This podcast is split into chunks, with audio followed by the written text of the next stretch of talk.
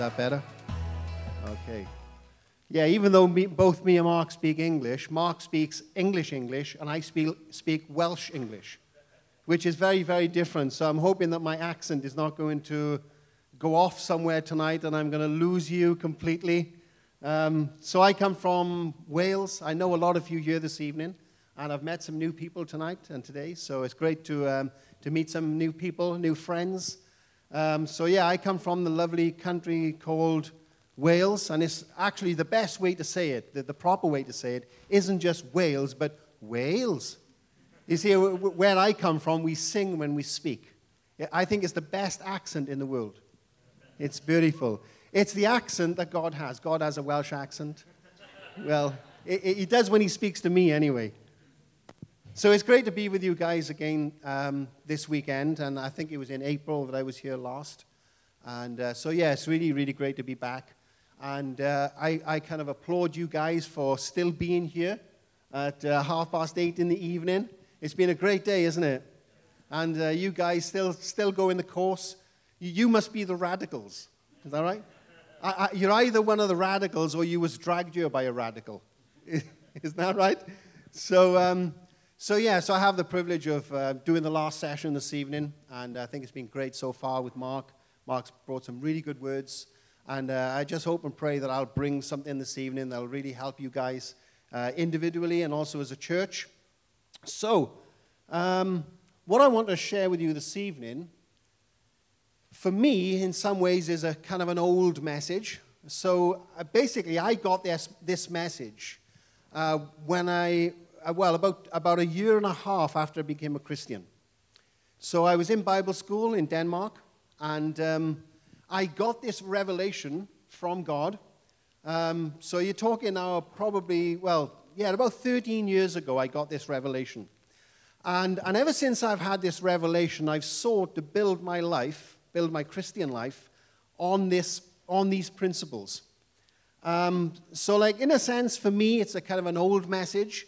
But it's not old because it's fresh every day. And there's always new things I find that are being added to, to, the, to these principles. For, for me, I'm, I'm still learning how to live these principles out in my Christian walk. So I want to share some of those principles with you this evening. Uh, this message is a kind of, I don't know if you've heard this saying before. If you give a man a fish, you can feed him for a day. But if you teach him how to fish, you'll feed him for life. Have you heard that saying before? Yeah? And so, like, this message is that kind of, that kind of message, really. It's not just, I'll give you a fish just to feed you for a day. It's, I want to teach you how to fish so it'll feed you for life. So, so like the principles that I, that I want to teach you this evening are hopefully principles that, you know, that will carry you through your, your Christian life and that you can build on and work with you know, right up until the end. And, um, and I'm going to be doing that myself because they, they, they, I find that they just, they have given me keys to open up um, blessing over my life. Um, I think like living out of these principles just automatically just create something in your life of a blessing from God. Um, it helps you to walk into the supernatural more, I think, and just helps you to connect more with God. And I'm, i suppose we all want to do that. So, um, so yeah, that's what I want to talk about this evening. And I'm going to give you the principles in, in, in a moment. But let me just back up a little bit and tell you, like, paint a picture for you of how I got this revelation. So, like I said, about 13 years ago, uh, when I was in Denmark, in Kolding, in the Bible school there, that's where me and Karen met. Um, when, we were, when we were students in the college, basically we, we were asked as a, as a college to go and support this event that was going on in Copenhagen.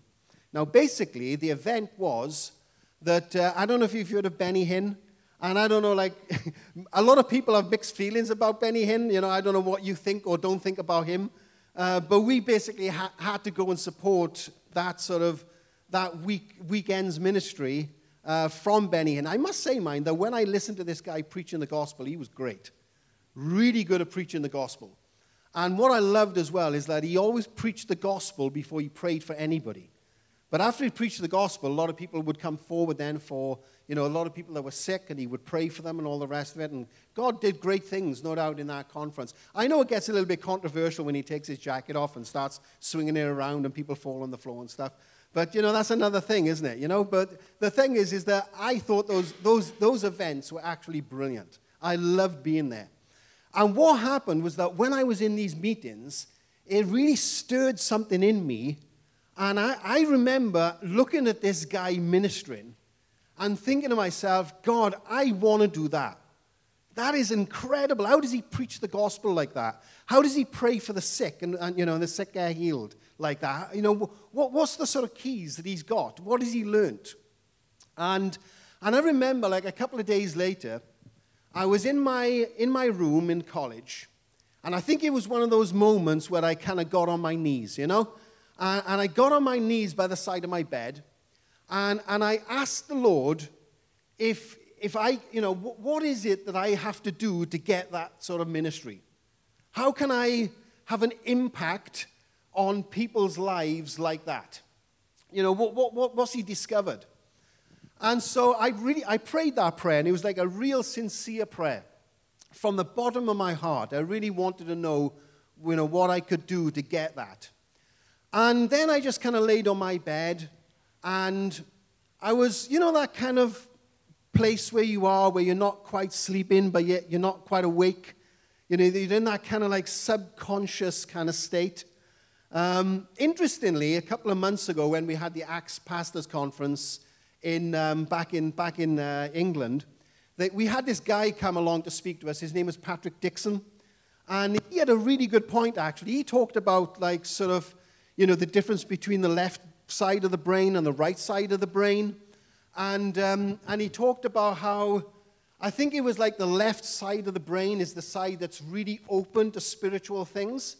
But then the right side of the brain is the sort of analytical side, and it's trying to reason everything.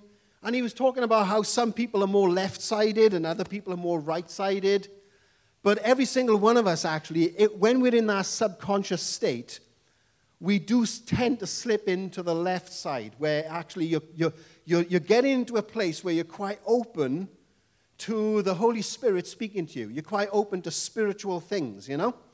And so I thought it was a really good point, actually, because I remembered when I was in that state once, and I was not quite sleeping, not quite awake, and I was in that subconscious state.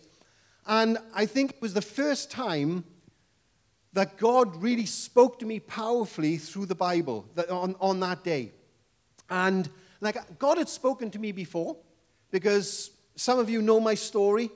Basically, I got kind of converted in prison, and um, I, I heard the voice of Jesus in prison, and you know that kind of blew my mind, and really brought you know took me on a path on a journey of discovering discovering G- Jesus and uh, you know, I, I, I got into a relationship with him, and, and I've never been the same since, basically. So I've heard Jesus' voice before, you know, when I was in that, in that prison cell. But I, I'd never really experienced Jesus speaking to me powerfully through the Bible. And I think it was the first time that, like, the Bible really came alive to me, really powerfully. And I was laying on my bed, and whilst I was laying on my bed, like, the Lord started to speak to me. And basically, what I was hearing in my mind was three names. And here are the three names, right? It's just, it, it, it was just recurring in my mind, and it was going like this Peter, James, and John. Peter, James, and John. Peter, James, and John. Peter, James, and John. And it was like, then I came out of this subconscious state, and I kind of realized that, wow, I think God has just spoken to me. I think the Holy Spirit is just, he's trying to say something to me. Now, I didn't know a lot back in those days, okay? So, like, the first thing that I did when I heard this voice was I ran to my Bible, got my Bible out, got my sort of like concordance out, uh, con- concordance out to try and find out about this Peter, James, and John. And I was blown away to, you know, to, to discover certain things. So, like, I realized, or I found out that Peter, James, and John were basically three of Jesus' disciples as probably many of you know, maybe all of you know that. But Peter, James, and John went with Jesus on three occasions in the Gospels that, that he, and Jesus didn't take the other guys with him, just Peter, James, and John. I, I found that really interesting. Because when I started to like look into the Gospels, I started to realize, of course, that Jesus had 12 disciples that he chose to be with him. And he would send out the 12 disciples and, you know, give them power for ministry. But not only did he have the 12 disciples, he also sent out the 70 at one point. So, like, he had a large gathering around him and then a smaller group, you know, the 12. But within the 12, he seemed to have, like, um, what, what we have come to call, really, the inner circle, which is Peter, James, and John. These three guys within the 12. In fact, you can actually take it deeper than that, I think, because I think out of the three, there was one who seemed to be quite special in terms of his relationship with Jesus, and that was John. It's basically John who's the, who's the guy who had his head on Jesus' chest, sort of thing, you know. And um, it was in, you know, in, in the upper room, in the, you know, in the Last Supper, and Jesus had basically said to his disciples, One of you here tonight is going to betray me. And Peter nudged John and sort of like asked John, ask the Lord who it is. So, like, John seemed to be like really close to Jesus. And, you know, just, he was a sort of guy I think Jesus sh- shared his secrets with. You know, they had a, a kind of a, a, a significant relationship.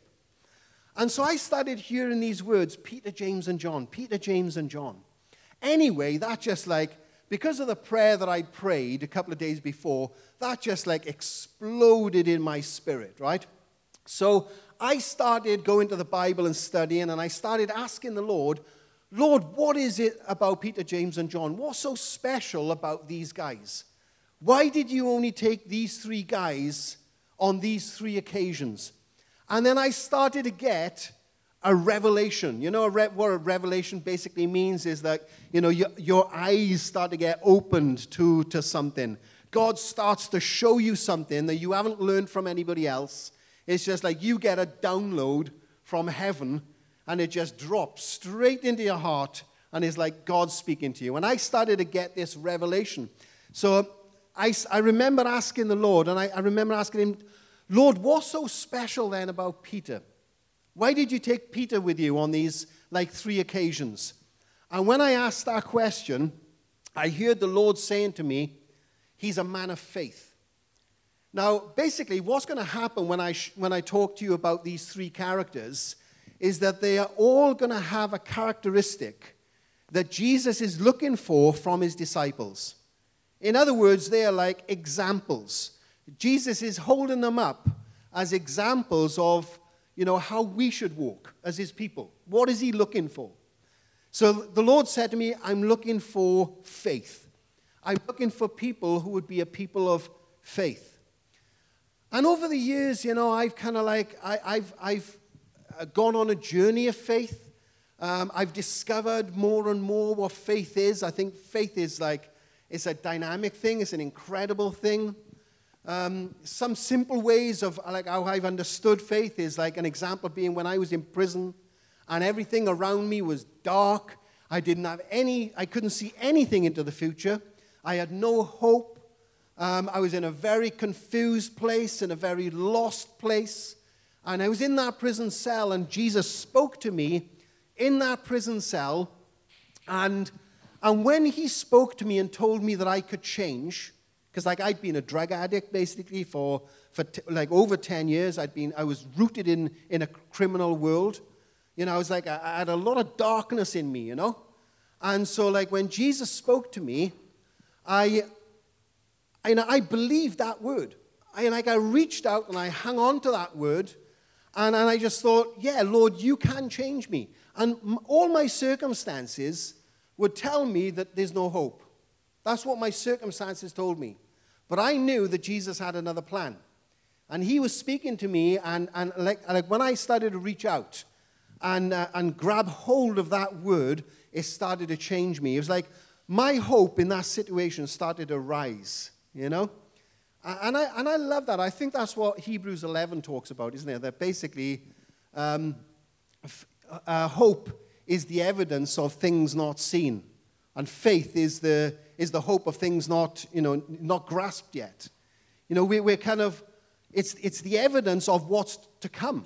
We don't actually have it yet, but my faith tells me that it's, it's something of a reality because it's based on God's word. It's not based on a good idea or something like that, but it's, it's literally based on God's word. And because it's based on God's word, I can trust in it. And, and, and that faith, you know, is, is like it's the hope or the evidence of things not yet seen. And that's how kind of faith works. Faith isn't like blind. Faith is not just a step into the darkness and just hoping for the best. Faith is always based on a word from God. That's how faith works, because it's based on a word. And, and when God speaks, He's able then to create a future and a destiny that you can't bring about yourself, but it's something that He's got in mind. And, and I think Peter was an incredible guy of faith. I mean, he's the guy that was actually willing to get out of the boat and walk on water. Can you imagine that? Like he saw Jesus walking on water, and Peter said, Lord, if that's you, tell me to come to you. And, and, and Jesus said, Come. And he stepped out of a boat. Can you believe this guy? He stepped out of a boat and started to walk on water. I actually know a guy from Wales who, um, when he started going, when he first became a Christian and he went off to Bible college, he read that story in the Bible about Peter walking on water and he thought he could do it. And he actually went out to the lake that was in the Bible school and, st- and tried to walk on water. I mean, the Welsh are pretty dull, mind, I must say. And he, he tried to start a walk on water. I mean, I mean, the faith of the guy was. I'm, I'm surprised actually God didn't honor it. and say, well, okay, then let's give you a go with that. But he didn't. How far, how far do you think he got? He didn't get anywhere, did he? He went straight down. And why? I mean, why did it work for Peter and not for this guy? Well, it worked for Peter because he had a word. He had a word from God. That makes the difference. And when you've got a word from God, then you can run with it. You can step out on that word and you can trust in that word. You know that that word is going to produce um, benefits and rewards. I could give you an, other examples as well. I mean, just thinking about me and Karen recently moving up to, up to Surrey. You know, we, we moved up there in January. Basically, we'd been living in Wales for 10 years. And on the back of a word, and it was a kind of a strange way, actually, that God started to speak to both me and Karen. Um, he was spoke, speaking to us individually and also together as a couple. But one of the ways that kind of like God was speaking to me personally was that for some bizarre reason, God started to highlight the number 23 all the time. Now, God had never spoken to me like this before, through numbers, right? But he was, he was highlighting the number 23. So, like, if I looked at my, you know, the time on my phone, it was something 23. You know, if I, if I looked at something else, it was something 23. And in the end, it was like, it was so bizarre. I said to Karen, Karen, I don't know what it is about this number 23, but I, I'm telling you now, before I get the revelation of it, that God is trying to speak to me through the number 23. And, and so, like, when he shows me you know, you know I've told you already, I've primed you, you know, that I think this is God. And this went on for a few months, actually. And basically, in the end, because I, I wasn't getting any more, although I was asking God, you know, what, what does this mean? And then one day I just woke up and I said, I thought to myself, why don't I just Google, you know, and just ask Google, does the number 23 in the Bible mean anything? So I Googled that, and then bang, all of a sudden, it just like, it all came out, you know, on all on these sort of like articles that basically the number 23 in the Bible means God is with you. Now, God had already been speaking to me and Karen about going, and it was very much like the Abraham story. If you're familiar with the Abraham story, it goes a little bit like this You go, and then I'll show you. That's what it goes like. You go, then I'll show you.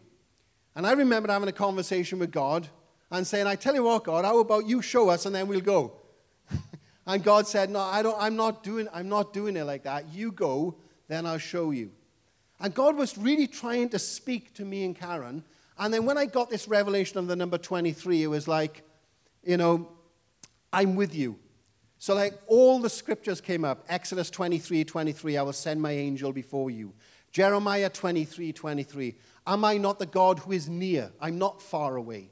Matthew 1:23, You shall call his name Emmanuel. God is with us. Even the 23,000th verse in the Bible, right? Catch this. The 23,000th verse in the Bible, which happens to be Zechariah 8, verse 23, is all about people coming to the people of God because they heard that God is with them. And it was like God was saying to us, Go, go, go, I'm with you. You go, and then I'll show you. Now, we sold our house, we gave up the church that we planted. You know, we walked, we, of course, we didn't walk away from family, but like we don't live close to them anymore. We left literally everything, everything. We just went. We didn't know what we were going into, but we just went for it because we had a word. And every step of the way, God has provided. And only recently, basically, I got to tell you this story because this is just great. Two, was it last week? Last week, me and Karen now have been offered an apartment on basically on, on, a property where the, you know, the people who own this property, um, they live in a house that's got to be worth about five or, million, five or six million pound.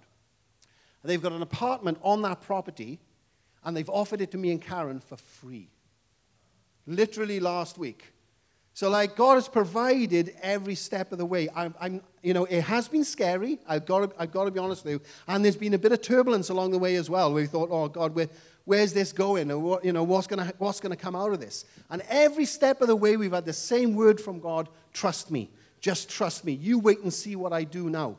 But, like, I would never have done that. We would never have done all that if we didn't have a word from God. But because we had a word from God, that's what we put our feet on. And we just went for it. We just went for it. And I think this is the way that it works in our Christian walk.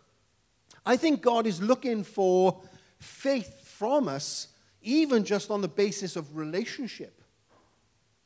You know, like knowing the peace of God in our lives is on, you know, comes on the back of faith. It comes on the back of knowing that God is for you knowing that God loves you. Do you know, I got a funny feeling that a lot of Christians live under a sort of like a cloud of a, uh, well, uh, you know, they got this sense of condemnation. They don't quite know if it's okay between them and God or not. You know, and they just put themselves under this cloud and it just follows them, follows them around a lot. I mean, my prayer is I pray if there's anybody here tonight that, that has that problem, that you'd be set free from that. You know, because all the judgment has been put on Jesus. You don't need to, you don't need to worry about anything. And it's by faith that we have peace with God. And it's about believing in that word. And when that peace comes, I tell you, it's a great thing. When you, when you know that grace over your life, and as it says in Romans 5, it's a grace that you stand in. You're not going to be removed from it. You stand in this grace. You're secure in this grace. You don't need to worry about anything like, you know, about being rejected by God because you're in relationship with Him. He loves you more than you'll ever imagine. And so that, that takes faith, but also taking steps of faith in ministry. You know, what's next for me, Lord? And I think that's also really important. When you, when you hear the voice of God and you just take a plunge, you just go for it. And you just say, I'm going to go for this. And, and I think that's really important so important to do. Now, the next thing then that I started asking the Lord was, Lord, okay, you told me about Peter. And of course, we could talk about faith all night, couldn't we, you know? But it's like, all right, Lord, you've told me about Peter. What's so special about John? Why did you take John with you? What's, what does he represent? What's the characteristic that you're looking for there? And Jesus said to me, Neil, I'm looking for love. Now, John, actually, the Apostle John, in the New Testament, is really called, you know, the Apostle of Love. He wasn't always like that, actually, which is it's an interesting story with John, because John and James, the sons of Zebedee, they call them the sons of thunder. Basically, they are the two guys that went to um, Samaria with Jesus, and Jesus was going to preach the gospel there. Uh, nobody received his message. And it was James and John that basically said to Jesus, Or oh, shall we call fire down from heaven to consume this place? Like, he wasn't always a, an apostle of love, you know? I mean, he definitely needed to go through a character change. And Jesus said to him, said to these guys, Man, you don't know what spirit you're of. You know, I haven't come to destroy people's lives, I've come to save people's lives. So he had to go through a whole process. But interestingly, John becomes like the apostle of love. And you read his letters, and not just the letters actually, but also the gospel. It's full of love. You know, for God so loved the world that he gave his only son. You know, then it's all, there's loads of uh, things about love through his gospel, about how Jesus loved us. I mean, there's a great verse now in John 13. It says that Jesus loved his disciples to the uttermost. Now, basically, what that means in the Greek, the uttermost, literally means that he loved them as much as you can possibly love another person. You cannot love any more than what Jesus loved. He, he loves to the uttermost, to the, to the end. And, it, and it's represented, of course, and displayed in the cross itself. And so, you know, Jesus is just, he's an incredibly loving person. And, and basically, you got John talking about all this love, and you got John talking about the, you know, the love of God in John's, John's gospel and also his, his epistles. And the word that he uses, of course, and you're probably familiar with this, but the word he uses is, is agape, which basically means unconditional love. It's God's kind of love. It's a kind of love that's always other centeredness. I love that kind of love. It's always, it always thinks, it always wants the best for the other person. Even towards his enemies, he wants the best for them. I mean, even Jesus hanging on a cross, you imagine Jesus hanging on a cross and saying, Father, forgive them. They don't know what they're doing. He's even asking the Father to cut them loose from, from, you know, from committing this act of hanging him on a cross. I mean, his love is absolutely incredible. It's a love that kind of reaches out to you whether you know it or not. And, and, and what Jesus said to me is that I'm looking for that kind of love in my disciples. What I'm looking for is that they would actually have this kind of loving relationship with me that John had with me. Now, if you look at you know, the, the, relation, the type of relationship, relationship that Jesus and John had, I mean, it was based on just a, a, such, such a great intimacy. Like I said earlier, that John was able to put his head on the chest of Jesus. You can almost like see him listening to the heartbeat of Jesus. You know, it's like that's how close he is. And he, he was willing to be loved by Jesus and he, was, and he wanted to love Jesus back. And, and what I've discovered in my life since I've become a Christian is that this love that I've experienced from Jesus is, is what I think every person is looking for. Do you know there's actually a verse in, in Proverbs 19, I think it's verse 22, where it says that what every person desires is unfailing love. That's what every person is looking for. You can even speak to psychologists who are not Christians, and they'll tell you that what every person is looking for is a love with no strings attached. First off, meaning, right, what people are asking is that will you love me just because you love me? You know, the strings attached bit comes afterwards. Because Jesus does call us into a relationship, but before he calls us into a relationship, he loves us anyway. Do you get the point? He loves us anyway. And, and that's what every person is looking for, even according to psychologists. Say, what everyone is looking for is a love that is unconditional. That I just want to know, do you love me? Do you just love me? And I, I remember having that sort of like encounter with Jesus when I was in a prison cell like I'd given up on myself, everybody else had probably given up on me. And the first person to come and visit me in prison, as far as I was concerned, was Jesus. He's the first person, and in fact, the only one actually, who came to visit me in prison was Jesus. And I was in a like I was in a very dark place. I mean, what's Jesus doing hanging around with people in prison? You know, what what's he doing there? But yet, there he was, right in the midst of my mess, and wanting to love me and showing me such a compassion that he started to draw me into a relationship that just blew my mind. And I remember it was almost like an arrow going right into my heart. Bang. Ever seen them sometimes on these cartoons where they're trying to shoot these love arrows? straight into somebody's heart, and then the person falls in love. You know, I actually felt like that happened to me from God. It was like, boosh. This arrow came straight into my heart. And I've got to be honest with you, for years, for, for, like for most of my life, I built up all these barriers to try and stop, you know, try and stop myself, you know, being vulnerable and sort of not getting hurt in relationships. So I put up all these barriers, and you just kind of hold it back, hold it back, hold it back. And I remember when God started to do a work in my life in that prison cell and, and also afterwards. It was like I was still trying to hold it back. Any of you guys watched like a really sloppy romantic movie with your wife and you, you know, you, you're dying to cry, but you don't want to? And you're like, you, you know what I'm talking about, didn't you? And you're like, you're trying to swallow it back. You're trying to swallow it back. You don't want anybody to see that you're about to cry. You know, you're trying to swallow it back. Well, I felt exactly like that when Jesus started to sort of like reveal his love to me, and I was trying to hold it back, trying to hold it back, trying to swallow it back, and then all of a sudden it was like a dam that just broke. I just couldn't, I couldn't hold it back anymore because the love was just like, like an arrow, realizing how much Jesus loved me as I was. It blew my mind. And it was like, bang, this, this arrow was like hit me in the heart. The dam just broke. And I remember going for, like, literally for months. I would turn up in church on a Sunday and I would just laugh and cry and laugh and cry and laugh and cry. It was just, just God fixing me, restoring me, but it was all because of His love. And, um, and, I, and you know, it's just, I was open, I was receiving Jesus' love, but I was also falling in love with Jesus.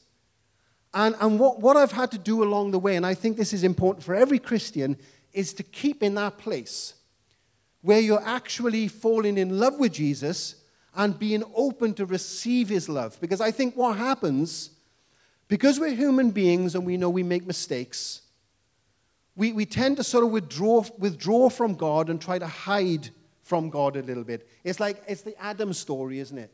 We try to hide from God. And he's trying to look for us, you know, and we, we've kind of blown it, we've made mistakes or whatever, and we're, we, you know, we're trying to we're trying to, we don't want him to see that part. But what Jesus is looking for actually is, is like he's, he's like he's saying, like, I know. I know everything about you. I know, I know all the ugly parts as well. I know the great parts and the ugly parts. And I still love you. And I want you to allow my love to come into your life and change you. Because the only, it's the only thing that will actually change you in the end. You will never be able to change yourself. The only person that can change you is Jesus. So that's where you've got to be. You've got to be in, in his presence. And it's in his presence you start to know renewal, transformation, and change. So God wants you to be very open in receiving his love, but also, and I think Jude says, says, you know, says it like this, doesn't he, in, in, in, in the letter of Jude? Keep yourselves in the love of God, which basically means, I think, don't doubt it, don't second guess it, don't take it for granted. You know, don't deny it. Allow it to flood your life. Keep yourselves in the love of God. But also for us to love God back, to love Him back. And just, I'm being very deliberate about that. You know, like I know, right, that God knows everything. I know I can't catch, catch God out with surprises or anything like that. I know every, you know, He knows everything about me and everything I'm going to do. But because God loves to relate on a sort of like a human term, you know, in terms of relationships. Um, I think God loves to pretend he's being surprised. So sometimes I'll just be like going about my business in, in the day, and I will just stop and literally just turn around and say to Jesus, I love you. I love you. Sometimes I even say to him, I knew you knew I was going to say that, but I'm still saying it to you, I love you. And I tell you, I don't know what it does, right? But it touches the heart of the Lord, and something comes back and it starts to do something in your life. So it's, it's, it's this loving relationship that Jesus is looking for. And not only is it like brought into our own lives between us and Jesus, but when that love starts to impact you and start to change you, you'll start to share it with others. You know, that, that's because grace, things like grace, things like love, Things like that that come from God, basically, it's like a river. It's like a river, you know, it flows. So once it starts to impact you, it should flow through you to the rest of the world. And you can't help to serve others. You can't help to do something for another person. You, you start to see the world in different eyes. You'll start to see people differently. You'll start to see problems around you in a kind of, you know, in a completely different light. You'll, you'll want to be quick to help. And not, not just because you feel like you have to, but because it'll coming from a place of, place of love, of wanting to. It transforms you, this kind of love. And I believe that's, what another, that's another thing that, that God is looking for. Jesus said to me, Neil, I'm looking for, for love. We are staying with Oscar and Heidi at the moment, and um, I come across this, um, this plaque that they've got on the wall. Great statement, actually, it says on it Jesus is where life begins and love never ends. That's a great quote, actually, where life begins and love never ends. And um, so, yeah, that's another thing that, that, that the Lord is looking for. So, He's looking for faith, He's looking for love, and then, thirdly, I remember asking the Lord, So, Lord, what's so special then about James? What's so special about James? You've told me about Peter, you've told me about John. What's so special about James? And then the Lord said to me, Neil, he represents sacrifice. Now, I tell you what's really interesting about James. Now, this James now is John's brother, okay? James, the apostle, interestingly, is the first disciple out of the 12 now. He's the first disciple to actually be martyred and the only one mentioned in the New Testament. Quite interesting, huh? So basically, all the other apostles were martyred at some point, apparently, according to church history, uh, apparently, except for John, who basically died of old age. But all the other apostles laid their life down for, for what they believed, for, for Jesus. But the only one that's mentioned in the New Testament is James. Now, Jesus does prophesy about Peter's death. But as far as death is concerned, as far as the martyrdom itself is concerned, uh, you know, is concerned, James is the only one that's recorded. And I remember Jesus saying to me, he represents sacrifice. And I'm looking for sacrifice. Now, I don't know about you, but like sacrifice can, you know, for me, I think, in my mind, can either be as big as martyrdom or as little as inconvenience. Do you know what I mean? Most of us actually live in the area or arena of inconvenience. You know, I think we're pretty blessed in the West. We don't experience the sort of persecution that a lot of people do in other parts of the world. So for us, it's kind of like inconvenience. But whatever it may be, it's something that we've got to give over to the Lord. You know, and, and I got to be honest, I'm always careful when, I'm, when I speak on sacrifice because sacrifice can mean, can mean different things to different people. You know, like we're all on a journey. We're all going through a process of change. And thank God he gives us grace and time to change. I mean, if God dumped it all on us in one moment, you know, it would be too much for any of us to handle. He knows that. So he gives us time to change. He, he allows us grace to change. And we go on a journey with Jesus. We go on a journey of transformation. We go on a process. But I can guarantee you that along the way, Jesus will ask you to let certain things go so you can actually get, you can hear from Him better, you can experience Him more, you can enter into a deeper relationship with Him.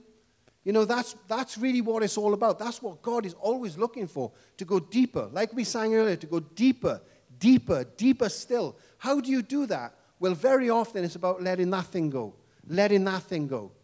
You know, and, and here's the thing every single one of us has got things in our lives that we, you know, that we're working with, that Jesus is speaking to us about. And, and I would encourage you to sort of like let, the, let those things go so you can move on with God. So you, I mean, because in the end, it'll go anyway.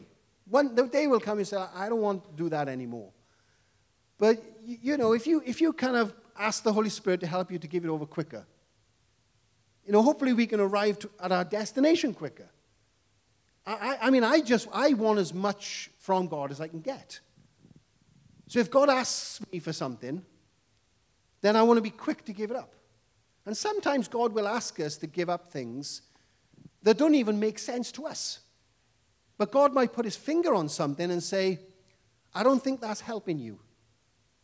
And I think that's a, very healthy way to look at it as well, in terms of like, that's not helping you. Because I don't know if you've noticed this about God, but everything that he does in our, in our lives is always for our benefit.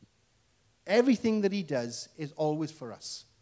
He wants us to excel, he wants us to move on in life. And so, if he presses things, if he puts his finger on things, then, you know, by, by, the, by the power of the Holy Spirit, I pray that we would be just let it go, let it go, whatever that, whatever that is. You know, we all know what it's like to wrestle with things. People got secret sins in their lives and stuff like that. And, and, and I pray that, that God will help us to release stuff so we can enjoy His presence, enjoy His peace, enjoy His power operating in our lives. So I think it's a, it's a key thing when we're talking about, talking about sacrifice. So you've got faith, love, and sacrifice.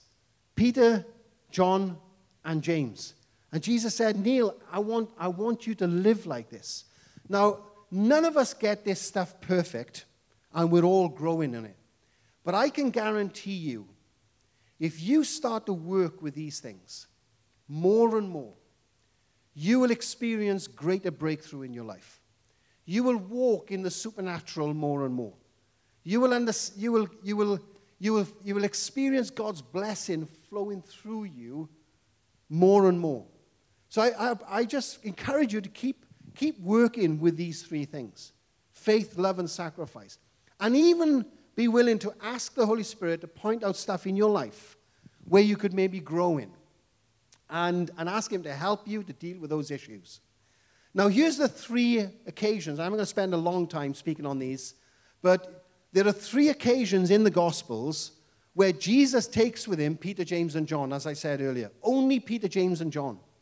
And I, like I said, I found that amazing. Why did Jesus take Peter, James, and John with him, and also these three occasions? And I realized that these three occasions also represent something. The first time that Jesus takes Peter, James, and John with him is, is when he raises Jairus' daughter from the dead.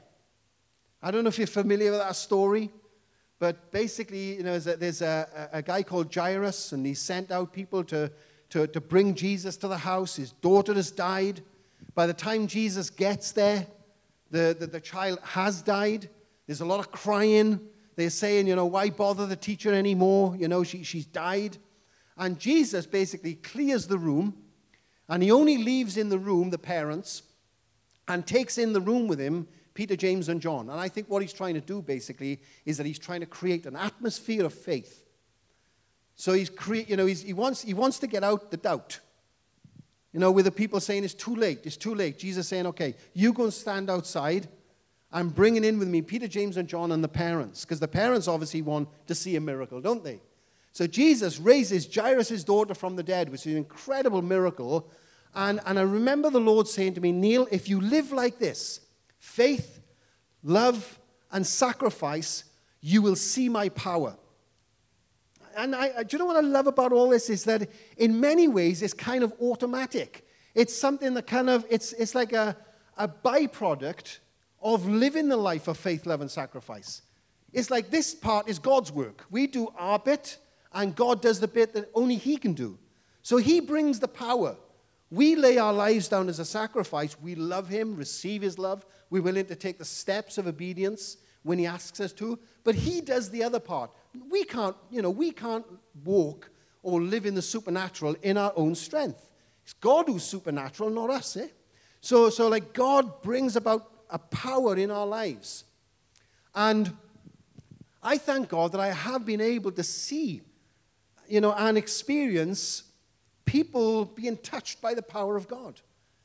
And, and, and you know, it's, it's an amazing thing when you just see that flowing around you and in your life and you think, God, yeah, this is, this is what I was made for. This is what I want to see. And it just brings me back once again to that time when I remember I got on my knees and prayed, God, how can I see that? How can I be a part of that? Right, let me teach you. It's faith, love, and sacrifice. But power starts to get released into your life at different degrees. You know, we don't always experience revival up here all the time. At different degrees, it'll come. And don't be discouraged if you're not always walking in revival, you know? It comes at different degrees, but I guarantee you it will come. And it will come more and more. So if you want to have an impact on the world, here are some of the things to do, isn't it? Faith, love, and sacrifice. The second time that Jesus took his disciples with him was on the Mount of Transfiguration, and he completely transfigured before their eyes. And he started to shine like the sun. You know that story? But once again, only Peter, James, and John he took with him. He didn't take the other disciples.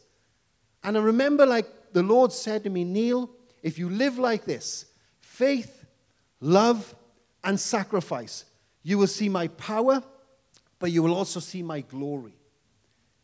And, and you know, I love, I love that. I think there's a bit of a difference between power and glory. Because I think in, the, in power, you just see like, you know, outbreaks of, you know, healings and manifestations of God's power at work. But I think glory has to do with the fact that in the power, you see something of who God really is. What is it, what's his nature like? What is, God, what is God actually like as a person? And one of the greatest things, I think, for any Christian to, to do is to get to know more and more the person of God. You know, who are you, Lord? Who are you as a person? What are you like? It's a great prayer to pray, actually. Ask God to teach you what He's like, you know, as a person. I love Moses' attitude, really, because Moses wanted to know, he wanted to know God. He wanted to know the glory of God. So, like it says in the Psalms, that um, that the, that the nation of Israel wanted to know his deeds, meaning his power alone, but Moses wanted to know his glory. He, he didn't just want to know his deeds, he wanted to know what God was like. And so, like, you could say that the nation of Israel were, like, they wanted to know his hands. They just wanted, what, what you know, give us from your hands. I, I just want to see what your hands can give me. Where Moses said, I want to see your face. I want to see what you're really like. And I think what's interesting actually is that the person that God used to display his deeds to the nation of Israel was Moses. So, like, you will get it. But first and foremost, what God is really, you know, what God loves more than anything is a people who is looking to get to know him. Not just to get from him, but to get to know him as a person. And to have that revealed to you. And I guarantee you, once again, if you live these principles faith, love, and sacrifice God will reveal himself to you. And as God reveals himself to you, I'm telling you, it is life changing. It is absolutely life changing. Like Paul said in 2 Corinthians 3, that, you know, we behold as in a mirror, face to face. And when we see him, we actually get changed, you know, from glory to glory. Because actually, when, the more we do see him, it, it impacts us. We get changed in the process. When we get changed in the process, we have an impact on others. That's the whole point. So it's, it's powerful, powerful stuff. And Jesus said to me then for the last one, the last time that Jesus took Peter, James, and John with him was in the Garden of Gethsemane. And Jesus said this to me Neil, if you live like this faith, love, and sacrifice you will see my power, you will see my glory, but you will also see my sufferings. Now, this is the part that we don't like. But, but I think there's, there's, there's something actually beautiful about it because, like Paul said in Philippians 3, I want to know the power of his resurrection and also his sufferings. Now, when I, when I talk about sufferings, you know, you need to understand that I'm not talking about sickness. I'm not talking about that. I'm talking about how hard it is sometimes to swing to swim against the tide of the world. That's what I mean. That's what Jesus had to do. He, he went against the world. Sometimes when you speak out for Jesus, or sometimes when you speak out for the kingdom of God, you can get a kickback. You can get a kickback from the world. Suddenly, people don't want to talk to you anymore. You know, unfortunately, you can lose friends. But, but you know, and sometimes you can, you know, you can feel like you're going through a, like a pressure pot where you know you, you, know, you feel like, wow, I, I'm, I'm, going, I'm having to experience the cost here of giving my life to Jesus. But you know what? In all that, I think there's a great encouragement that when you do experience those sufferings, you know that you are cutting through something and you're bringing about good. You know, you, you know, you're, you know you're, you're, you're hitting on something when you get a kickback. In fact, Jesus did actually say, Blessed are you when people say bad things about you. Why are you blessed? Because you're doing something good. And in the end, it's going to be good for them as well because you're kind of, as Peter says, you're heaping on their head coals, hot coals. You know, you, you, you're putting something on, on their head where, because I don't think anybody really wants, you know, it, it's bound to impact a person when they try to hurt others. When people try to hurt you, there is going to be, they, they're not going to feel good about that. It's going to chase, that guilty conscience is going to chase them. But not only that, you also get blessed. Because as Peter also says in 1 Peter 4, that when you go through suffering, the spirit of glory rests on you. So it's, it's, it's, it's an amazing thing. It's, it's, it's not a, it doesn't have to be a bad thing or a negative thing. It can be a, a good thing to, to, you know, to, to be one who's standing up for, for the ways of the kingdom, for the ways of Jesus. So it's about faith, love, and sacrifice. And if you if you live out these principles in your life, I guarantee you, you will start to have an impact more and more on this world around you. You will start to see His power, His glory. You may have to do the hard yards, but you will, but you will make a difference in your, in your world around you, including your family. People will start to see something about you that's different, and they'll start to be attractive, and you'll start to cut through by the power of the Holy Spirit. And so I pray in Jesus' name that we will all experience that and walk in that and have an impact on the world that we live in. In Jesus' name. Why don't we stand together? And I'm just going to pray, and then we're going to, going to hand it over to Oscar, who's going to lead us uh, in a song. Why don't we just reach out our hands for a moment and just receive afresh from God? So, Lord, I pray in Jesus' name that you would release us more and more into what it's like to be a people of faith, of love, and of sacrifice.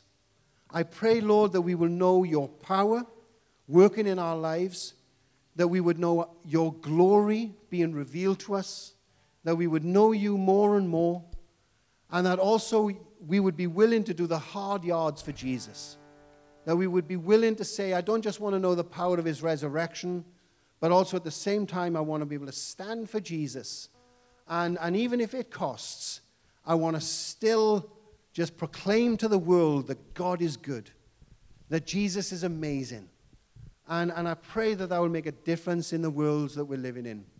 In Jesus' mighty name. And all God's people said, Amen.